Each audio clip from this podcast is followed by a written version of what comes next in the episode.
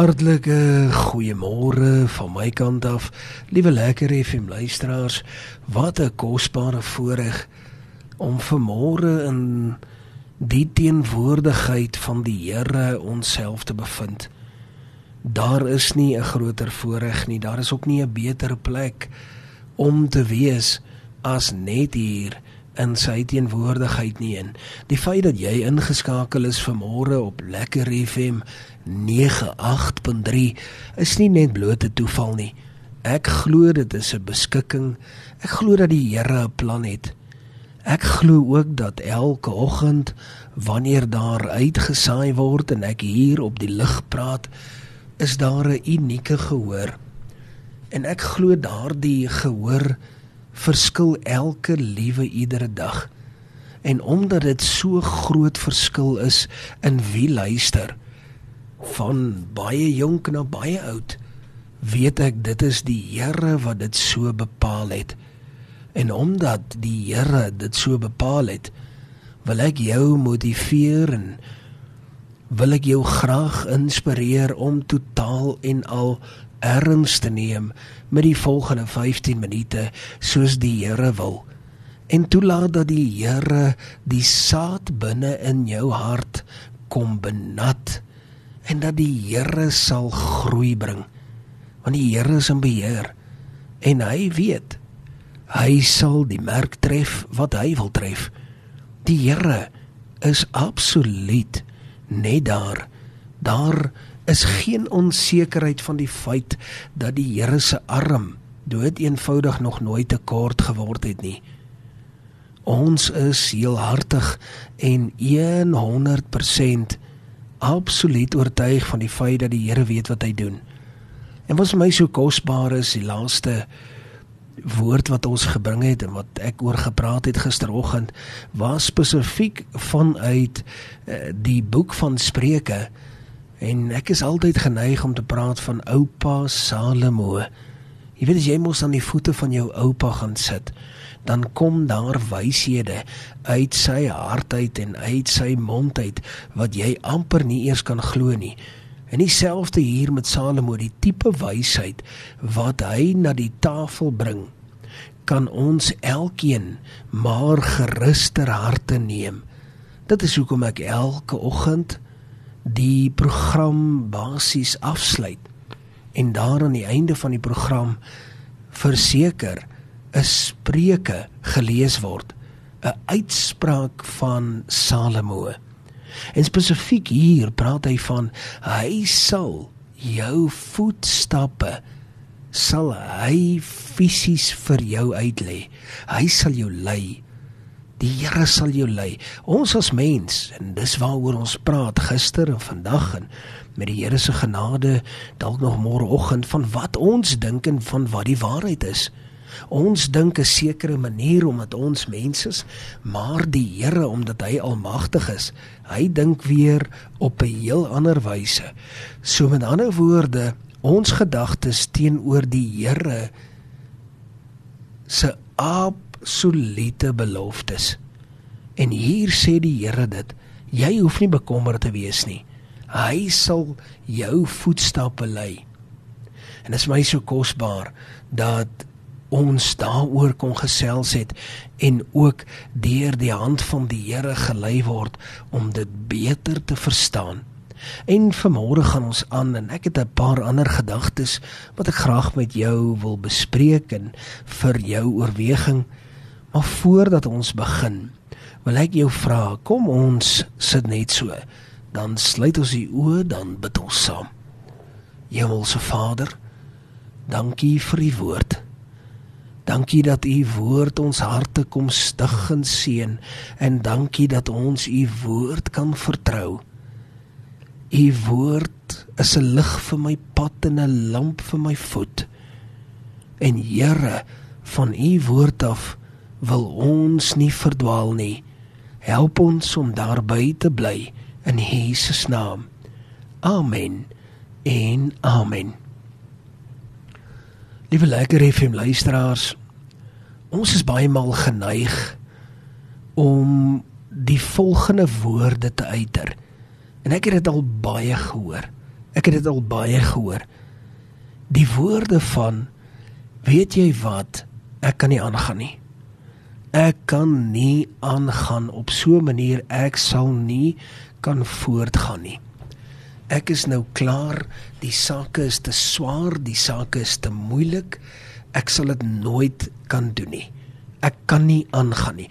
As ek 10 rand gehad het vir elke keer wat ek dit al gehoor het in die laaste 24 jaar, dan sou ek al seer sekerlik 'n miljonair gewees het oor en oor. Maar kom ek vertel vir jou die waarheid. Dit is miskien wat jy dink. Dit is wat ons almal baie keer dink. Maar kom ek sê vir jou wat die Here se belofte is. Daar is daar is 'n gedagte. Ja, dit is wat ons miskien dalk kan dink. Maar dit is definitief nie noodwendig hoe die Here die saak sien nie en wat in die hartklop van die Here aan die gang is nie meeste van die tyd is daardie warboel en daardie storm en daardie ongemaklikheid binne in ons eie harte en slegs binne in ons eie harte. Die Here kom intedeel daar in die tweede brief van die apostel Paulus aan die Korinte hoofstuk 12 vers 9 en ook daar in Psalm 91 vers 15 en die Here sê vir jou en vir my in geen onseker terme sê hy dat sy genade is vir my en jou genoeg. So wanneer ons dink ek kan nie meer aangaan nie, sê die Here, ek het vir jou 'n belofte. En wat is daardie belofte? Baie maklik. My genade is vir jou genoeg. Jy sal dit kan doen. Die gedagte dat jy nie dit sal kan doen nie en dis te erg en dis te veel en dis te moeilik. Dit bestaan nie binne in die woordeskat en binne in die attribute van die Here nie. Die Here sê sy genade is vir jou genoeg. En nou wil ek hê jy moet jou hand so voor jou oë sien. En dan sien jy daar is vyf vingers. Daar is heiliglik sekerlik meer as vyf sake wat jy nou op die oomblik kan aandink wat vir jou al jou grys hare gee wat vir jou al jou ongelukkigheid omtrent op een slag bring. En ek wil hê jy moet dit bedink net so vir 'n oomblik. Ek wil nie te vinnig oor hierdie punt beweeg nie. Ek wil hê jy moet dit bedink. Dink aan nommer 1 dink aan nommer 2 3 4 dink aan nommer 5 En dan sien dit dat die Here vir jou sê en hy sê dit sag maar hy sê dit met baie baie gesag dat sy genade rondom daardie probleem sy genade is vir jou genoeg Ek wil hê jy moet vanmôre waarlik geïnspireer word met die gedagte dat die Here jou ken. En omdat die Here jou ken, behoort dit doeteenvoudig net nie vir jou van stryk te bring nie. Omdat die Here weet van elke liewe, iedere haartjie, elke naal wat van jou wat van jou naels afgeknip word, elke gedeelte wat uitval, dit weet die Here van. En dit is nie onbekend by die Here nie. Daarom sal die Here jou nie los nie as hy jou dan geskaap het. Dan weet hy mos wat hy gedoen het. Hy het mos presies geweet wie hy gemaak het en hoe hy jou geskaap het. Dit is by hom wel bekend en nie 'n verrassing wie jy is, hoeveel hare jy het nie, die kleur hare wat jy het nie, die tande in jou mond en die kleur oë wat jy het en hoe groot jou neus is. Dit weet die Here want hy het jou geskape. En dan kry jy baie maal die die opmerking en dis nogal iets wat ek juis vanmôre vir 'n spesifieke rede noem omrede ek dit ook al so baie maal gehoor het dat weet jy wat ek is net hopeloos te moeg. Ek is hopeloos te moeg. Weet jy wat wil ek vandag vir jou sê? Gaan lees gerus Matteus 11:28 tot 30. Die Here sê hy sal vir jou die rus gee. Die rus wat jy nodig het, sê die Here sal hy vir jou gee. Beweeg in sy kalmte en in sy rus in. Hoekom is sy rus so belangrik? Want weet jy wat, liewe lekker FM luisteraar, sy rus het nie uit te waai met genoeg slaap nie, met 'n vakansie nie. Sy rus is eintlik meer 'n gemoedsrus. Sy rus is 'n gemoedsrus dat alles binne in sy hande uiteindelik is en dat ons kan loslaat. Die Engelse woord sê dit eintlik vir my baie baie mooier dat ons kan release in sy hande in. Ons kan dood eenvoudig net release omrede die Here vir jou daardie rus sal gee. Jy het nie nodig om ooit te wonder hier in jou hart of die Here daar sal wees of nie. Ek beloof jou van die feit dat die Here sal daar wees. En baie maal as ek so luister na van die mense as hulle met my praat, dan kry ek baie maal die opmerking en ek hoor dit ongelooflik baie dat hulle vir my sal sê iets is onmoontlik. Hoe baie maal het jy dit al gehoor? Dink so 'n bietjie terug. Hoe baie maal het jy al die woorde gehoor iets is onmoontlik? Het dit al net so baie soos ek gehoor. Maar weet jy wat, dit is nie die waarheid nie. Dit is wat ons dink. Weereens. Dit is iets wat ons dink. Dit is nie die waarheid nie. Want Lukas 18:27 sê vir ons dat alle dinge is moontlik. Dat as jy sê iets is onmoontlik, dan is dit nie waar nie. sien dit dat die Bybel God se woord sy woord wat sterker is as 'n twee skerper is en sterker is as 'n twee snydende swaard. Hy sê vir jou alle dinge is wel moontlik.